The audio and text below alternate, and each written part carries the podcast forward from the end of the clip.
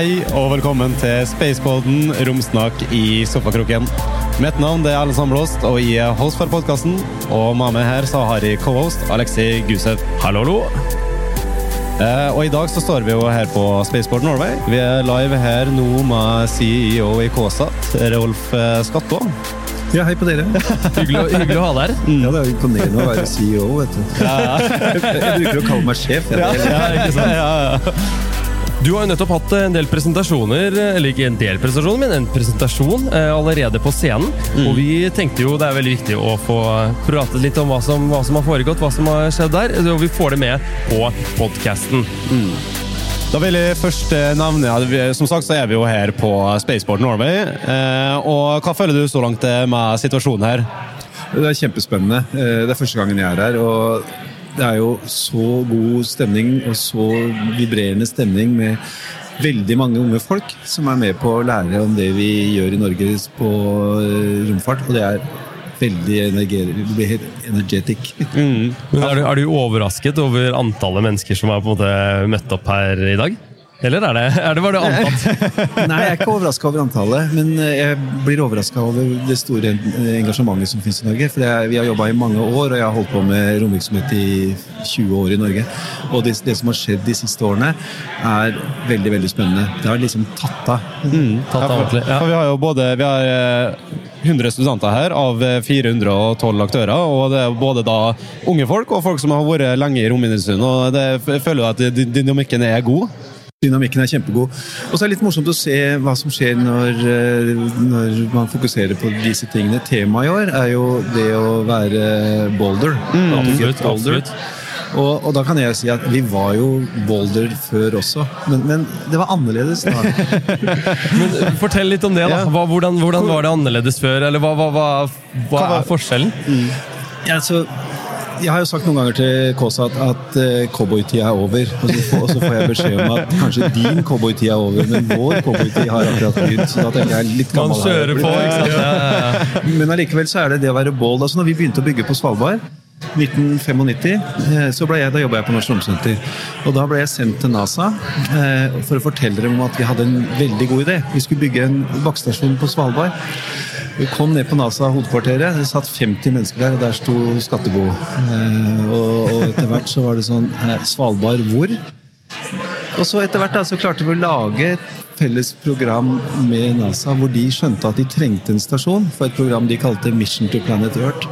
Og det syns jeg personlig er kjempespennende, fordi da hadde NASA sendt eh, satellitter til Venus og gjort exploratory aktivitet kjempelenge.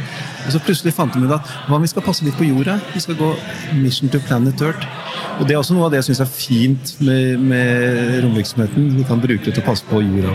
Men eh, det dere gjorde da, for da var det ingen som hadde vært på Svalbard, men var det fordi det var så, såpass langt nord? Eller var det, det, hva var det som gjorde det så bold eh, i det øyeblikket? Det var to ting som var bold. For det første så var det bold å satse på en idé hvor man skulle lage én stasjon som kunne snakke med alle satellittene i polare baner. Eh, Riktig. Fordi det, hvis du kommer langt nok på toppen, så kan du kommunisere med dem hver gang de kommer opp her. ja, ja, riktig. Men før så var det da én stasjon per Ja, riktig. Ja, Ikke sant? ja. Så det var noe helt nytt. Det var helt nytt. Og det andre var at vi da sa her skal vi bygge en stasjon. Eh, og ingen trodde nødt på det. Og nå står verdens største stasjon der oppe. Det er eh, 139 antenner, sier de, og vi passer på mer enn 400 satellitter. Det er eh, imponerende at eh, det nå er eh, Men du nevnte litt underveis her i, i din presentasjon at dere er i vei med på en måte moderniseringen av mye av det. Hvorfor ser du det som på en måte viktig å gjøre, å gjøre i det hele tatt? Selvfølgelig, modernisering høres jo viktig uansett, men hva, hva, hvordan ser dere på det? Før så, så var det sånn at du hadde én satellitt, og så hadde du én antenne, og så hadde du et sett med bokser, som vi kaller det, bak der. Og da hadde du en satellite eh, approach. Det var jo veldig lite fleksibelt, så vi fant ut på Svalbard når vi bygde den, at vi skulle lage en station-centric approach. Det betydde at vi hadde mange satellitter, mange antenner og mange bokser. Så vi kobla det sammen, og det var fint. Men nå er alt sammen software. Kjedelig, sier noen. Eh, Men eh, sånn er det nå. Så det å standardisere disse boksene som henger bak antennene, få dem inn i software, lag skybaserte løsninger, eh, gjør at vi har masse muligheter til innovativ tenking rundt det å drive satellitten. For Du nevnte jo en liten sånn flott graf eh, som viste veldig eksponentiell vekst i antall satellitter fra 1957 og til 2021. Eh, og det viser jo til at eh, her er det jo et stort marked som må mettes, og du må ha gode observasjoner og tolkninger av det her. Og Du nevnte jo annet det at eh, du endrer noe av det dere gjorde nå, da, som var det å bli boulder, og det at i stedet for at hvis jeg forsto det rett, da, var at i stedet for at satellitten snakka ned til bakkestasjonen, så snakka bakkestasjonen opp til satellittene. Ja, der er du inne på noe viktig. Eh, Det er kjempespennende å bygge satellitter, og så er det veldig viktig å få brukt dataene til noe. Riktig. Og det er kanskje mindre spennende å bygge ja. Sånn at vi, vi jobber mye med å sørge for at dataene kommer raskt ut til uh, de som skal ha det. Og F.eks. når det gjelder skip og oljeovervåking i Europa, så må det ta mindre enn ti minutter fra dataene kommer inn i satellitten til de er nede på bakken, og man kan lete etter båter eller oljesøl. Superviktig. Men det hjelper liksom ikke at du da har skedulert satellitten tre dager i forveien eh, for å fortelle den hvor den skal ta ned data. Så det vi jobber med nå, er å integrere det inn i ett system, hvor du kan omtrent kjøre satellitten i real time. Du bestemmer hva den skal gjøre, og så blir det sendt opp til satellitten, og så måler den, og så leser du det ned. Og da har du et operativt system som kan brukes til noe.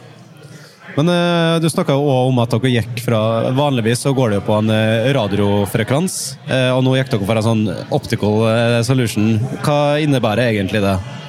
Jo, etter hvert som satellittene blir flinkere og måler mer, så, så må de ha større båndbredde ned. Og da kan du jo øke frekvensen, hvis du skal bli litt sånn teknisk på det. Ikke sant, ja. Høyere frekvenser gir mer båndbredde. Og til et visst punkt så er det fint. Eh, Så på KA-bånd så kan du gå ned på ca. 6-8 gigabit. Men hvis du har mer enn det, så må du gå til optiske linjer og bruke laser. Og det er den dere går mer og mer mot. Vi forsøker det, fordi vi sier at vi også at vi skal connecte space and earth. Og så I utgangspunktet så bryr vi oss ikke noe om hvordan vi gjør det. Og da må vi kunne alle måtene. Ikke sant? ikke Så sant? optisk linje kommer, men det er nok en liten stund til. Ja.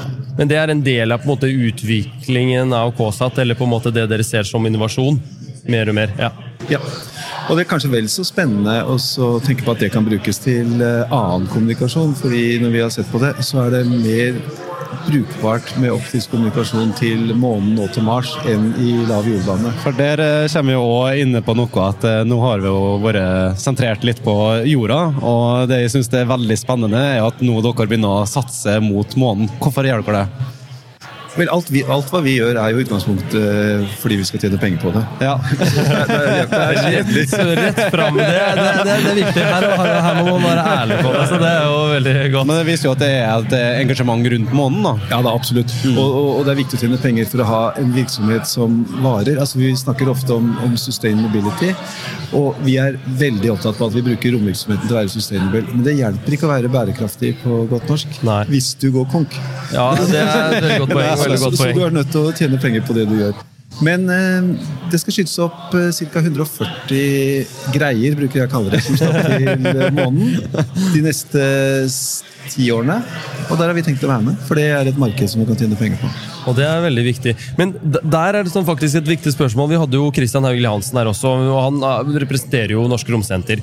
Og eh, Tenker du at staten eh, burde fortsette å funde mye av, eller hjelpe eh, alle, alle typer romprosjekter og sånt, eller tenker du at det heller bør gå bare mot det, mot det private, sånn som dere driver med?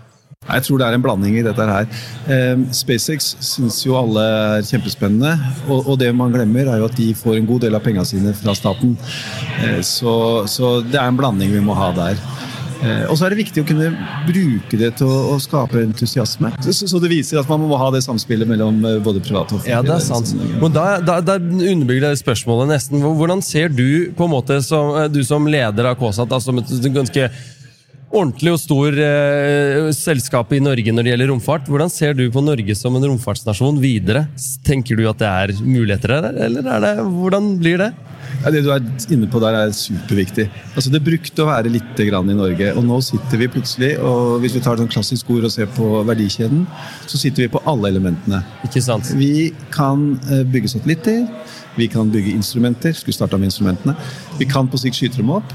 Og så har vi der KSAT er, nemlig i midten, som kontrollerer satellittene og laster dem ned. Og så leverer vi tjenester. Så det å ha hele den verdikjeden i et land som er så lite at alle snakker med hverandre, er kjempeviktig. Absolutt. Og det høres ut som et veldig god avslutning på vår eh, fine samtale her. Absolutt. Eh, Takk for at du kom innom, Rolf, for å representere KSAT. Takk skal dere ha for at dere ville ha meg her. Det er kjempespennende. Jeg syns dere gjør en god jobb med å formidle dette. Ah, tusen takk, det er veldig godt å høre. Hvis du vil høre mer fra Spacepoden, så sjekk oss ut på din prefererte podkastplattform. Du kan nå sjekke ut eh, Space NTNU på sosiale medier eller nettsida vår spacentnu.no. Ha en fin dag videre.